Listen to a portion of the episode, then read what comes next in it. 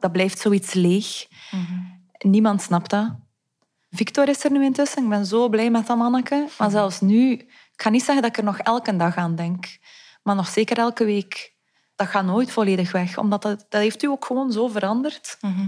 Maar ik durf er bijna niet over praten, omdat... En jij hebt dat misschien ook gemerkt. Mensen durven zo pijn vergelijken. Hè. Ah, nou, jong, als dat maar is. Hè. Het is toch veel Ja. erger dan dat je, dat, dat je een sterrenkindje of een, een stilgeboren kind hebt. Of, of later een kind verliest. Hè. Een kind dat al wat ouder is. Of, of, natuurlijk, er zijn altijd gradaties in pijn. Maar pijn kun je niet vergelijken. En zeker op dat moment was dat voor mij het meest traumatische dat ik al ooit had meegemaakt.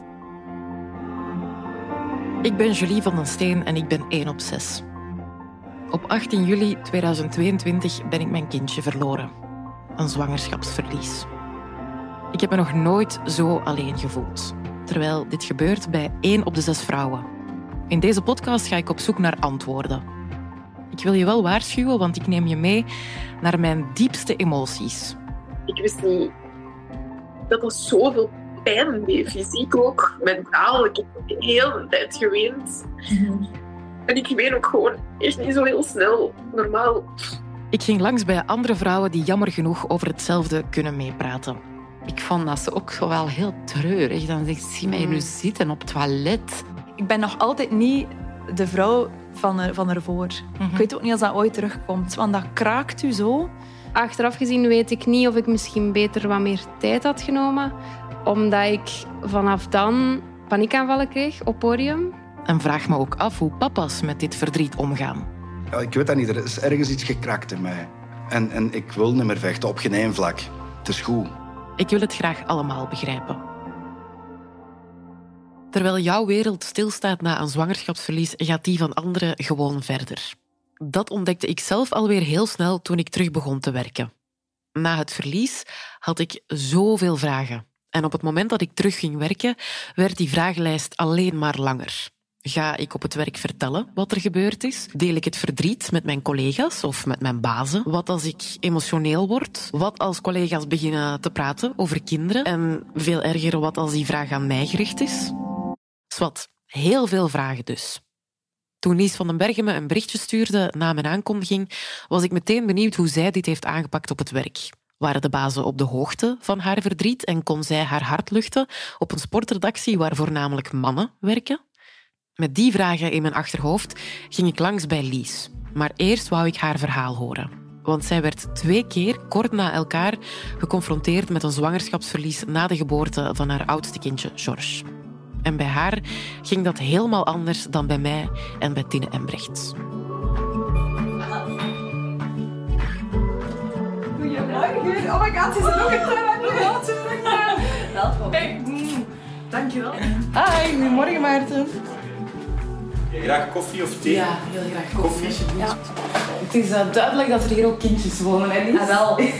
Dat, ik, zei, ja, ik zei het ook tegen Maarten vanmorgen. Ehm, het is eigenlijk dubbel om, over, om een podcast hier op te nemen over zwangerschapsverlies. Verlies, terwijl dat dit huis ja, een en al kinderen ademt. Hè. Ja. Je hebt twee kindjes. Ja. George en George is vier, allee, wordt vier en Victor is acht maand.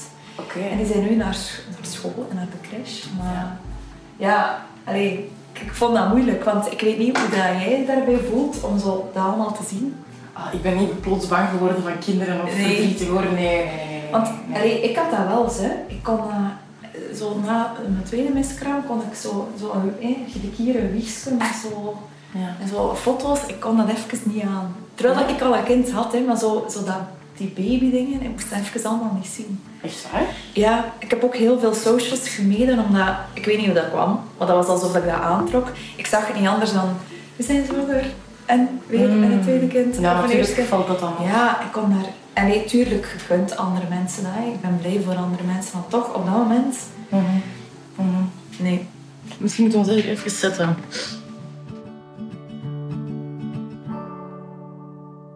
Toen ik jouw berichtje kreeg, Lies, eh, ik weet niet of dat jij nog exact weet wat jij naar mij gestuurd hebt. 23 november. Ja, ja, ik was... eh, Ik denk dat dat rond zes uur s morgens Ja. al was of zo. Ik denk dat ik misschien de eerste in je inbox was. Een van de eerste. Ja. Want eh, dat is het eerste dat ik doe s morgens. Zo'n slechte gewoonte. Eerst Insta scrollen. ja. Doe je dat ook? ja.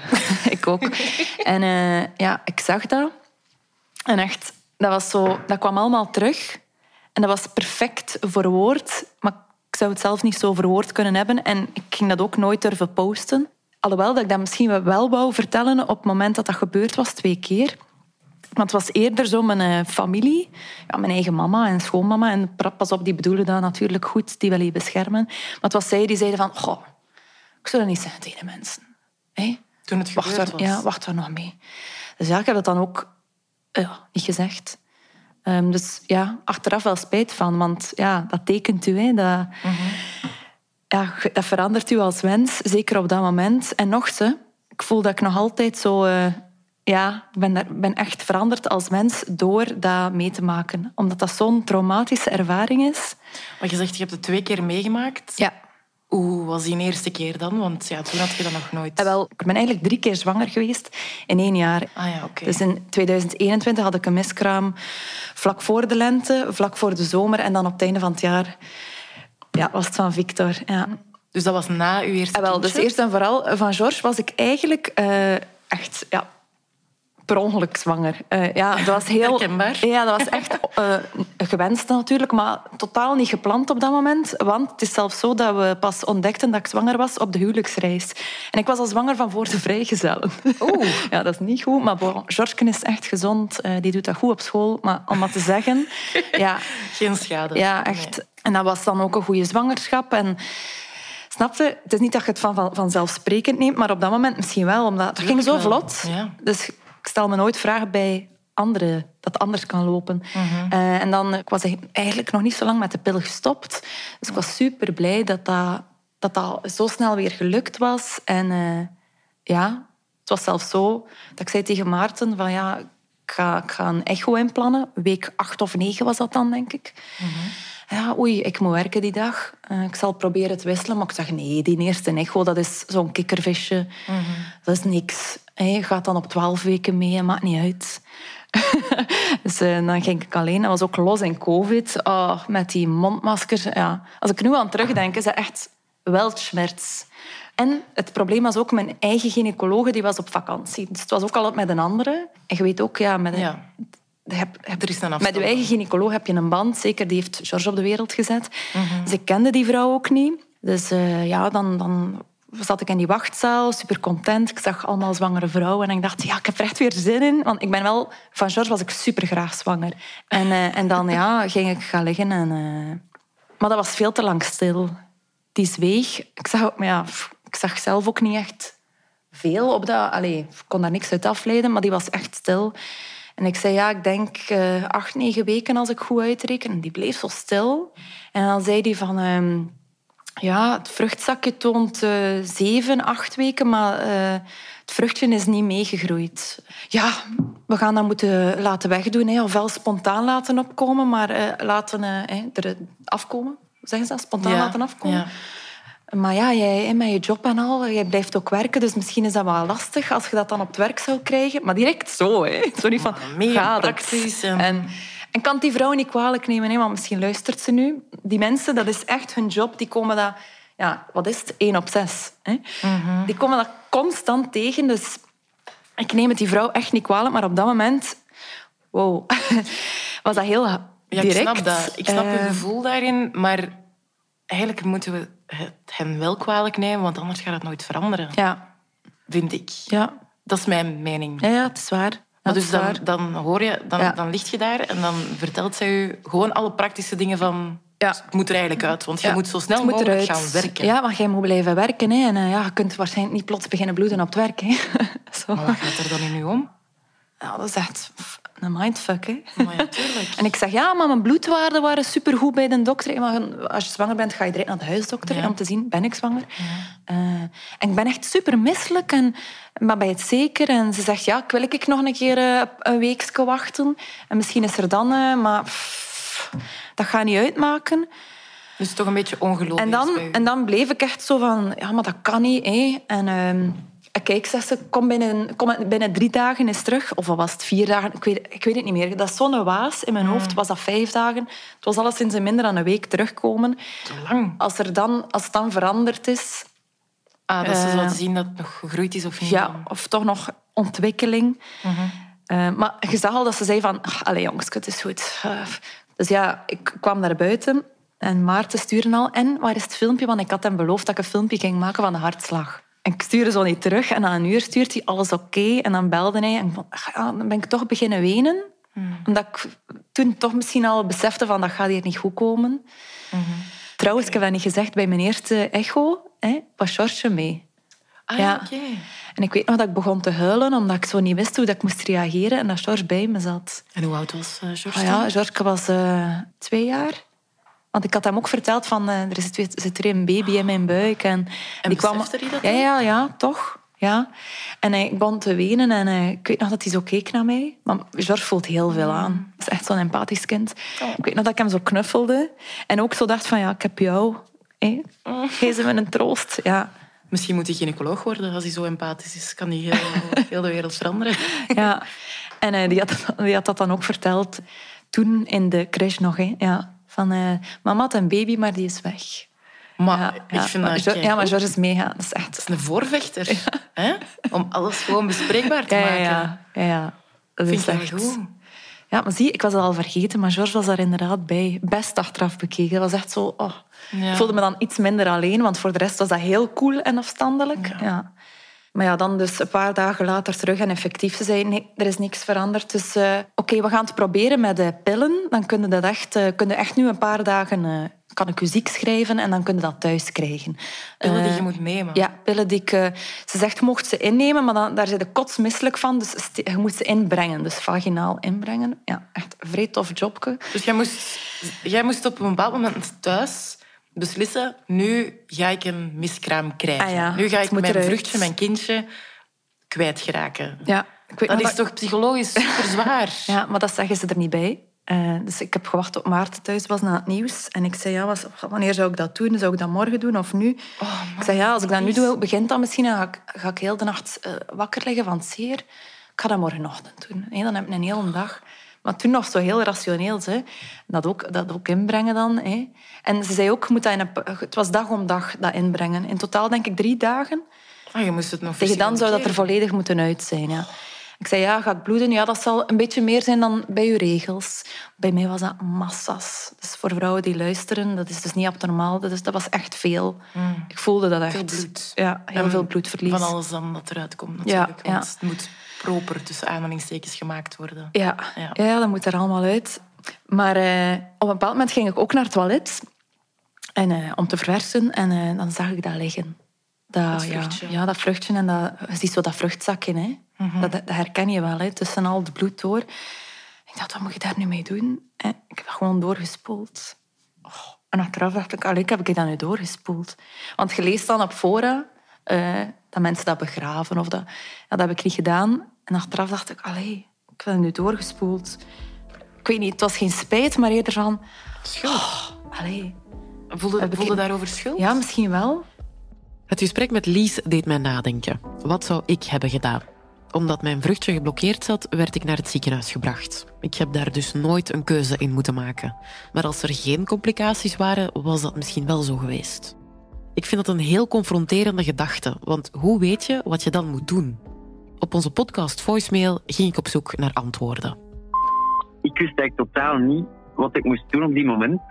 Maar het was de schoonmama zelf dat die, die actie ondernam van dat vruchtzakje vast te nemen. Eh, de, precies een instinct. En die zei ook van, we moeten dat meegeven. Dat ze kunnen kijken of eventueel ook test doen hoe dat komt. Dat is fout gaan. een paar dagen later ben ik dan ook het vruchtje verloren in de douche. Ik had dat dus vast in mijn handen en ja, mijn man gegeven. Want ik was volledig in paniek en die heeft dat dan weggedaan. We hebben in een diepvriezer gestoken. ehm, om daar later afscheid van, van te nemen. En dan gaat daar, dat heeft toch wel een maand, twee maanden in, in, in het vriesvak gelegen om dat dan samen te begraven. Je merkt dat iedereen zijn eigen manier zoekt. Oeshi van den Broek is psycholoog verbonden aan het Universitair Ziekenhuis in Leuven. Zij werkt al 18 jaar op de afdeling verloskunde en materniteit en begrijpt dat het geen makkelijk moment is om zo'n keuze te maken. Het kan zeker zijn dat je naar het toilet gaat en dat het vruchtje daar plots ligt en dat je niet weet eh, wat je daar dan mee moet doen. En dat kan ja, wel enorm heftig zijn. En dat is ook niet altijd iets waar mensen uh, goed op voorbereid zijn. Ik weet ook niet of je je daar echt op kan voorbereiden. Maar dat is zeker wel een moment dat bijblijft voor mensen. Dus in dat opzicht is het belangrijk van niet te streng te zijn voor jezelf en eigenlijk gewoon in dat moment te blijven en te doen wat dat voor jou goed voelt. En dat je dan ja, vooral wat rust daarin moet proberen vinden achteraf. Uh, en als je andere verhalen hoort, hè, of als je dan bij de gynaecoloog zit, of als je uh, bij je vriendinnen zit en je hoort daar andere verhalen, is het gemakkelijk om te zeggen van ja, maar ik had dat ook zo moeten doen. Maar heel vaak weet je dat niet, uh, kan je je daar ook heel moeilijk op voorbereiden. En geloof ik er ook wel in dat vrouwen heel goed voelen in het moment wat ze nodig hebben en wat bij hen past. Niet te streng zijn voor jezelf is bij elk verlies belangrijk. Ook al verloor je je kindje op een heel andere manier. Lies werd spijtig genoeg ook een tweede keer geconfronteerd met een zwangerschapsverlies. En die liep net iets anders dan de eerste. Dat bevestigt nog maar eens hoe uniek elk verhaal is. Ik was dus weer heel snel zwanger weer een test gedaan, weer bloed laten nemen. En, uh, dan was je dan blij? Sorry dat ik je onderbreek. Nee, maar, ah, ja. ik was apathisch. Echt, ik, ik, ik, weet nog dat ik dat s'avonds stond aan Maarten van ja, kijk, het is positief, maar ja. En waarom apathisch? Omdat je stress had, bang was? Stress, bang, alles. Ja. Dus ik blokkeerde. Ik dacht, ja, ik wil nog niks voelen. Mm -hmm. Me er al voor mezelf al beschermen of ja, zo. exact. Uh, en um, ja, het duurde lang voordat ik bij de gynaecoloog kon komen. Dus ja, ik was toch alweer ja, negen à tien weken ver als ik goed uitrekende. Um, en dan heb ik het niet al op het werk verteld. Maar heb ik het wel weer verteld aan... Net om de reden dat ik zoveel aan die mensen had in die periode van die eerste miskraam, heb ik het wel weer aan de vrienden en, en familie verteld. En erbij gezet. Maar ja, het zal wel weer niks zijn. Echt zo. Echt ja, zo fatalistisch. Ja. En waarom, waarom had je het gevoel dat dat... Zo... Ik weet niet. Deze keer voelde ik me zo minder zwanger. Mm-hmm. Terwijl fysiek mijn dan? fysiek, ja. ja.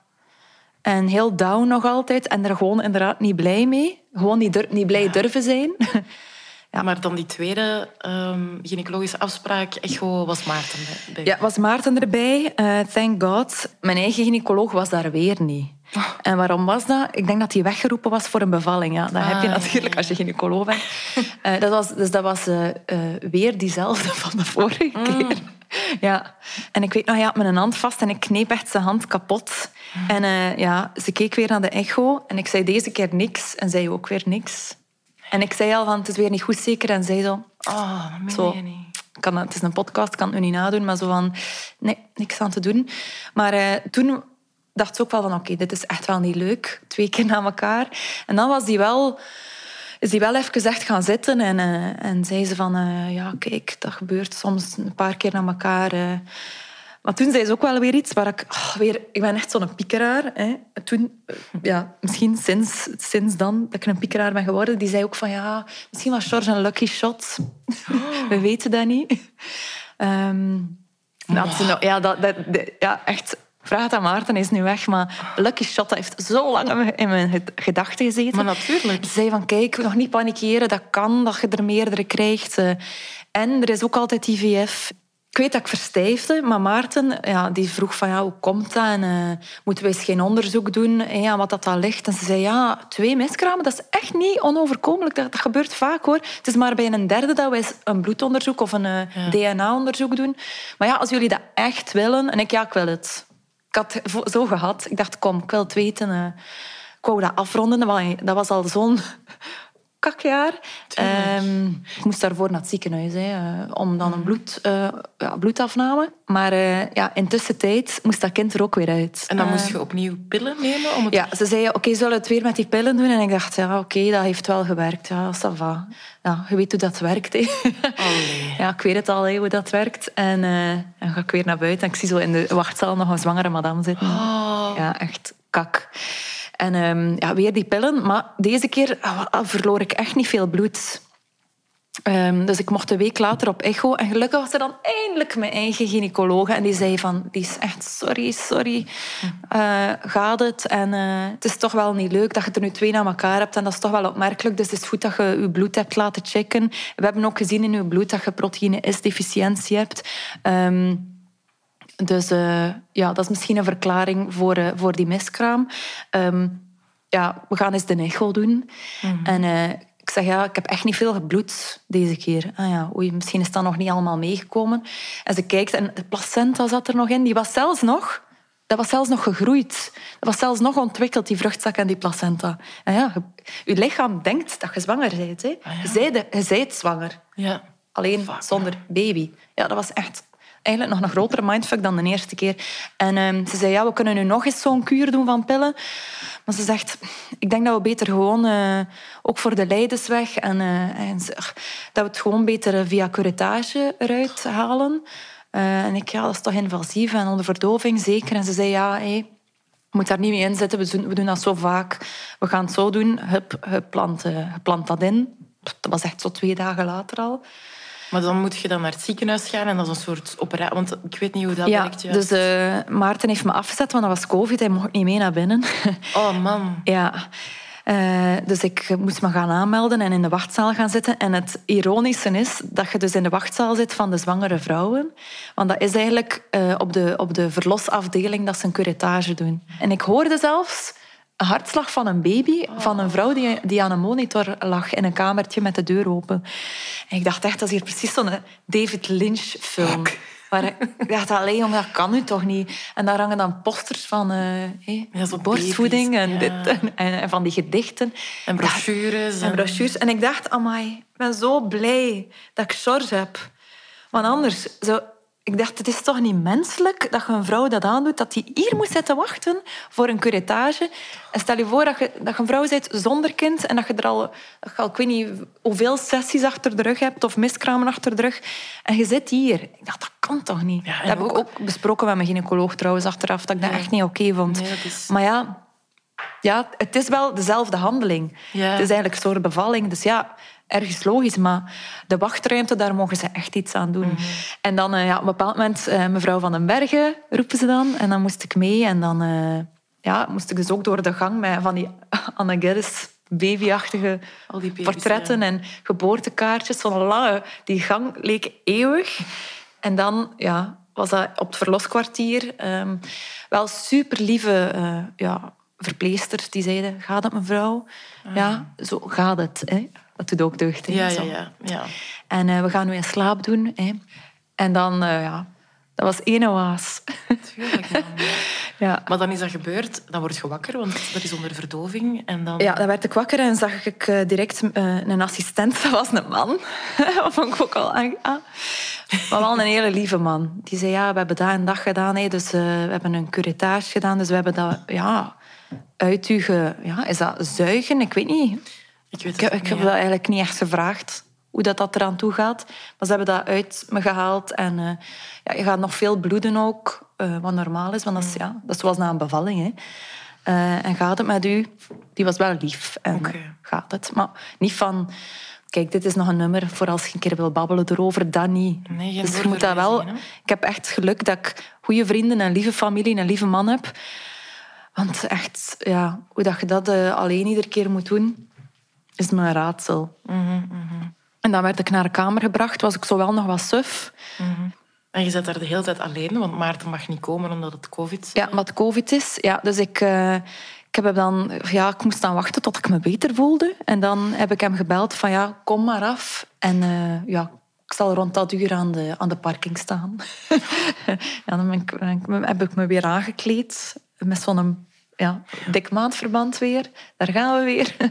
En dan is die me komen halen en uh, ja, heeft hij me geknuffeld. En dan ben ik wel beginnen wenen. Omdat ik dacht van, uh, hoe vaak nog? En dan zei ik ook sorry tegen hem. Van, sorry, ik weet dat we, dat we altijd twee kindjes wilden, maar... ik, ik, had me er zo wat bij neergelegd toen. Dat niet meer ging lukken. Dat niet meer ging lukken. En, en ik dacht, ja, we hebben het goed met George ook. En we waren gelukkig, hè? perfect gelukkig. Hè? Daar niet van. Maar ik voelde, toen voelde het me wel zo... Ja, gefaald is misschien een groot woord, maar... Nee, ik vind dat super herkenbaar. Dus gefaald is helemaal geen te groot woord. En nog, hè. Ik ben nog altijd niet de vrouw van, er, van ervoor. Ik weet ook niet als dat ooit terugkomt. Want dat kraakt u zo. Ik weet ik kan het nog altijd tot op vandaag niet beschrijven wat ik, wat ik voel. Maar ik weet wel dat het me gekraakt heeft en me veranderd heeft. En dat ik ook niet meer zonder zorgen rondfladder. Lies, haar tweede zwangerschapsverlies, klonk herkenbaar. Niet voor mij persoonlijk, maar ik heb er al zoveel over gelezen op verschillende blogs en fora. Ik heb gelezen hoe vrouwen afscheid moeten nemen van hun kindje op de materniteit, tussen de zwangere vrouwen en pasgeboren baby's. En op de een of andere manier voelt dat voor mij heel onbegrijpelijk, ondoordacht, verkeerd ook bijna, alsof ze hier in een ziekenhuis niet over nadenken. Ik vroeg het aan Ushi, die de afdeling heel goed kent. Een curettage en zeker ook de latere zwangerschapsverliezen die gebeuren vaak, of die vinden plaats uh, op het verloskwartier of binnen de materniteit. En dat is belangrijk dat dat daar ook eh, kan gebeuren, omdat daar alle mensen zitten die de expertise hebben en die daarvoor gestudeerd hebben en die je daarin ook goed gaan um, begeleiden. En ik begrijp heel goed dat het confronterend kan zijn voor mensen om dan ja, tussen de, de bolle buikjes en uh, de krijsende babygeluidjes te zitten daarom is het ook belangrijk dat ziekenhuizen nadenken over hoe dat ze hun zorg organiseren. Dat ze ergens ook wel wat kamers eh, die wat rustiger liggen, die misschien wat meer in een hoekje apart zijn. Dat er misschien ook een apart rouwkamertje kan zijn. Zodanig dat mensen ook uh, met hun verlies goed omkaderd worden. En tegelijkertijd is het ook wel belangrijk dat het een deel van de afdeling blijft. Want uh, ja, waar, waar hoort rouw en verlies anders thuis? Het hoort ook thuis um, binnen die materniteit. Het hoort ook thuis op het verloskwartier. Want het hoort een stukje ook bij zwanger worden, zwanger zijn en soms ook die zwangerschap verliezen.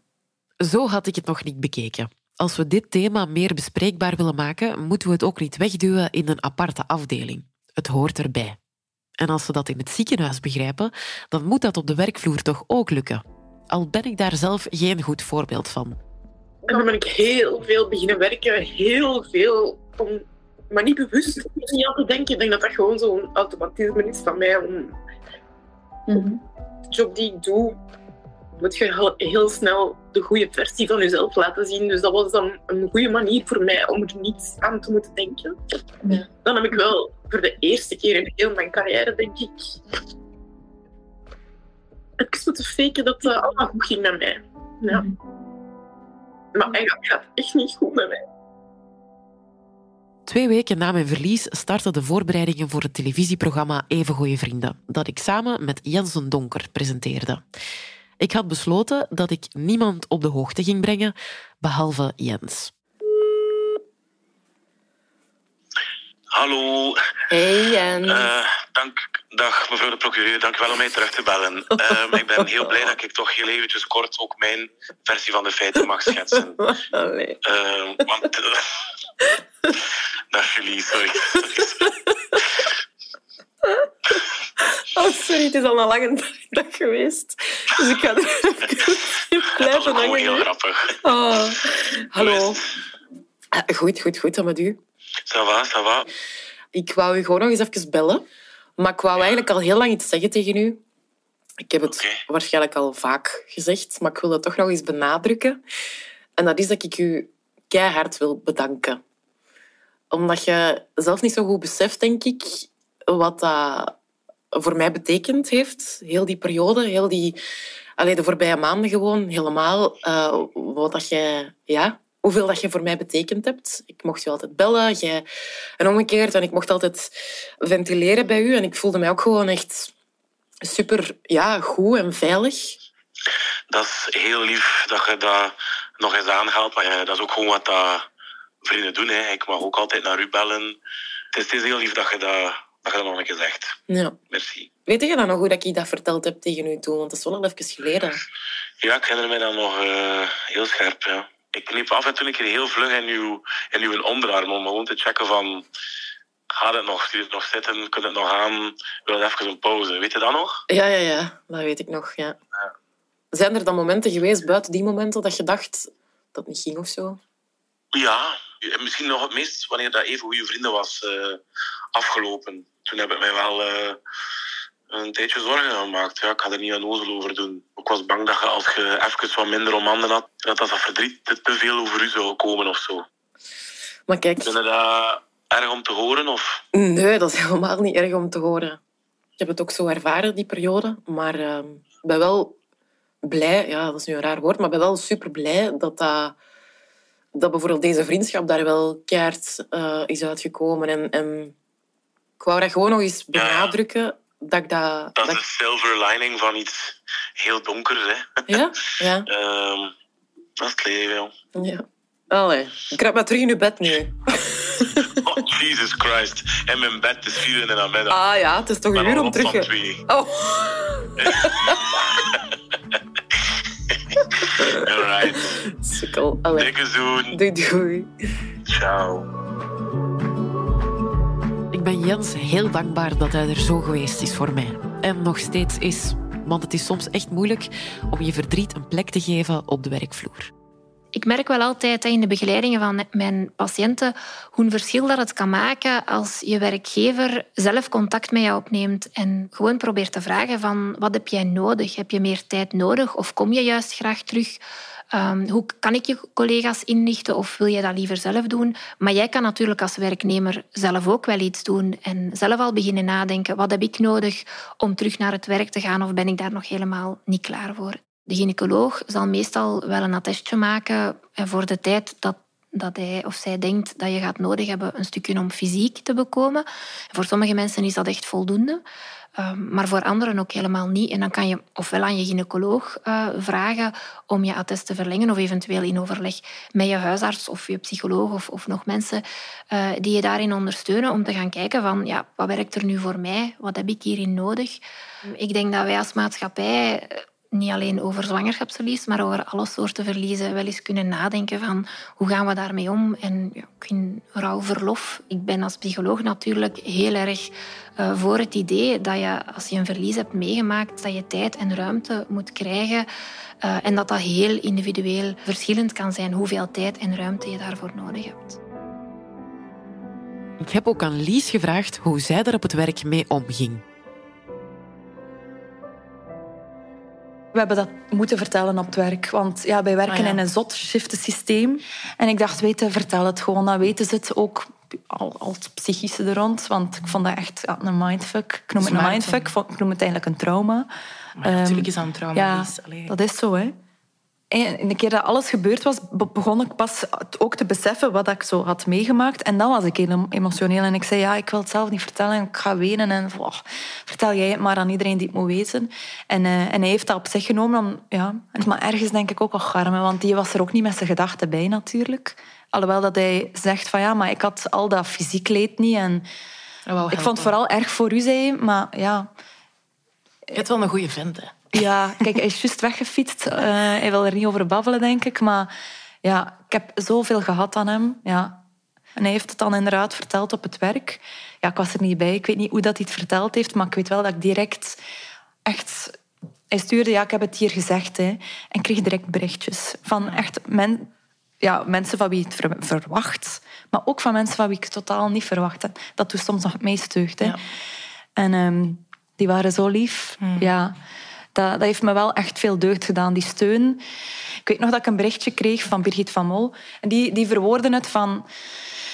Kijk, ik weet wat je voelt. Het is een stil verdriet. Ehm, ik denk dat ik dat misschien naar jou dan ook heb gestuurd. Want vond dat zo, ik dacht, ja, dat is het. Het is een stil verdriet dat niemand begrijpt, behalve jij en je man. Of de papa van je kindje. Ehm, en je moet het zelf dragen. En bijna niemand gaat het begrijpen. Ik dacht, ja, dat is het exact. En zulke berichtjes deden, deden wel deugd, zo erkenning. En ik weet ook nog dat ik eh, een paar dagen erna bloemen kreeg van eh Davy Parmentier en Maarten Gansen. Van, van, ehm, van ja, hey, eh, sterkte. En gewoon dat, dat die bazen... dat gewoon het bedrijf dat erkent als verdriet en me een bloemetje stuurt, dat is zoveel. Want ik kan me voorstellen dat dat op andere jobs niet gebeurt. Dat, dat, dat deed me het meeste plezier, dat mensen het gewoon erkenden als verdriet, als rouw. Wat ik heel moeilijk vond, dat was dan na mijn aankondiging natuurlijk, dus dat is een ander verhaal wel, maar wel denk ik een beetje herkenbaar. Die eerste keer onder de mensen komen mijn collega's zien. Ik was daar stroond nerveus voor, want ik was heel bang. Eigenlijk was ik vooral meer bang dat ze mij daarop zouden aanspreken en dat ik dan zou beginnen wenen. En allee, je weet hoe dat, gaat, dan moet je in de schmink gaan zitten en dan, oh, dan moeten ze dat allemaal gaan fixen.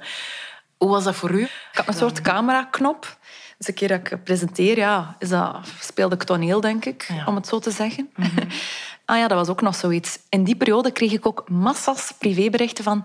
Ben jij terug zwanger? Mogen we een tweede verwachten? Dus ja, misschien... Ja, je komt wel wat bij, zeker. En, en ik ben ook ten voeten uit in beeld. Dus ja, vanaf dat die Van buik- kijkers. Ja, van kijkers. Dus ja, vanaf dat die buik zich wat opzet... eh, Serieus? in die periode, tussen de twee miskramen door, tussen die zwangerschappen door, ja, was ik effectief... Soms was ik, was ik effectief zwanger hè, tijdens die berichten. Ja, dat komt er dan ook bij. Want daar had ik mijn Sjorken allemaal, allemaal gelast van, van, van die berichten. En dan is dat extra pijnlijk. Ik weet ook dat ik één iemand een keer antwoordde van... Ik zou graag hebben dat, dat je dat stopt met vragen aan mensen in het algemeen. Komt er nog een tweede kind? Want je weet nooit waar iemand door moet. Ik ga dat ook nooit meer vragen. Hè. Komt er nog een tweede? Nee. Of gewoon, komt er ooit een kind? Of zijn jullie daar Nee. al mee bezig? Voilà, je weet nooit wat het er Ja. afspeelt. Dat is, dat is een vraag die je niet moet stellen zonder dat je het verhaal kent. Dat is zo. Dat is Ja. waar. Dat vind ik ook. Zeker. Ja. Bij mij, we waren toen bezig met de opnames van de Maas Singer. En ik kreeg constant berichtjes van... Wow, je straalt, je ziet er keigoed uit. Ik was doodongelukkig. Ik kwam Van mijn bed niet uit. Ik Ja. Was mijn haar niet... Ik wou mijn tanden niet poetsen. Al die weken lang hè, kwam ik niet buiten. Ik wou niet. Ik was ongelukkig. Door dat masker opzetten... Allee, dat is nu een heel rare Nee, nee. woordspeling met de. Ja. Maar ehm, ik was doodongelukkig. Mhm. Doodongelukkig. En je ziet het niet, en als je er niet over babbelt... Het leven gaat verder en dat is oké. Dat is bij elk verdriet. Eh, het leven gaat gewoon voort. En ik dacht, ik, ga me, ik heb me toen ook even op mijn werk gestort. Had jij het gevoel... Want als ik zo mij op mijn werk moest storten en echt zo eigenlijk een beetje alsof moet doen dat alles oké is... Ik vond dat die slag daardoor... Dat is toch gigantisch uitputtend dan voor die camera gaan staan en doen alsof alles oké is. Ja, en ja, dat is heel uitputtend. Ergens goed, goed ook dat je dat hebt. Maar doordat ik daarna nog een klop kreeg, besefte ik pas dat dat echt een traumatische ervaring is geweest. Dat ik het me niet ingebeeld heb. Maar ik zag... Ja, zelfs toen ik zwanger was van Victor, zag ik, zag ik nog af van die andere twee miskramen. En, en voelde ik nog altijd dat ik niet weer mezelf was. Nog altijd niet, maar bon. dat, dat gaat nooit meer... Dus, dus alles toont aan dat dat echt een traumatische ervaring is en dat je dat ook zo moet benaderen en dat, dat je echt daar hulp moet voor zoeken. Dat dat niet vanzelf gaat passeren. En hulp zoeken, ja, dat, zonder dramatisch te klinken, maar dat is gewoon... Zoekt iemand om mee te babbelen, is dat nu een psycholoog zijn en uw lotgenoten. Maar het uitspreken, het delen, is echt al zo'n belangrijke stap. En het is inderdaad net dat, dat vrouwen jarenlang onze moeders, onze oma's niet gedaan hebben. Wat ik niet versta. Echt. Nee, maar dat klinkt ook helemaal niet dramatisch, hè. Hulp zoeken. Nee, nee. Het is nog maar eens het bewijs dat erover babbelen helpt, want ik voel me nu ook echt zo... Ik ook. Zo'n last van je schouders. Oh, zalig. Dat had ik ook. Ja, dat is echt geweldig. Alsof dat je naar een osteopaat bent geweest. Ja. Ah, Ja, ja. ik vind het eh, super, super, super lief, super goed. En dat je erover wil babbelen. Omdat ik weet dat het eh, voor u ietsje moeilijker is om daarover te babbelen. Ehm, maar dikke merci. Graag gedaan. En nu moet ik wel pipi doen. Daar is het toilet. Oké. En volgende week praat ik met Ellemieke Vermolen, die samen met haar ex-man Sergio Herman op 39 weken zwangerschap afscheid moest nemen van hun stilgeboren zoontje. Ze schreef een boek over hoe ze moest vechten tegen de ondraaglijke pijn. Tot ze, hoe ondenkbaar het ook klinkt, die pijn een plekje kon geven. Het is ook niet zo dat, dat eh, met het verwerken, met het rouwproces, dat het verdriet weg is. Nee, Nee. het verdriet blijft. Dat blijft je hele leven lang. Mhm. Alleen, het krijgt een andere lading. In het begin was dat verdriet misschien 100 punten. Maar na, ik kan nu na zes jaar kan ik zeggen dat ik op drie zit.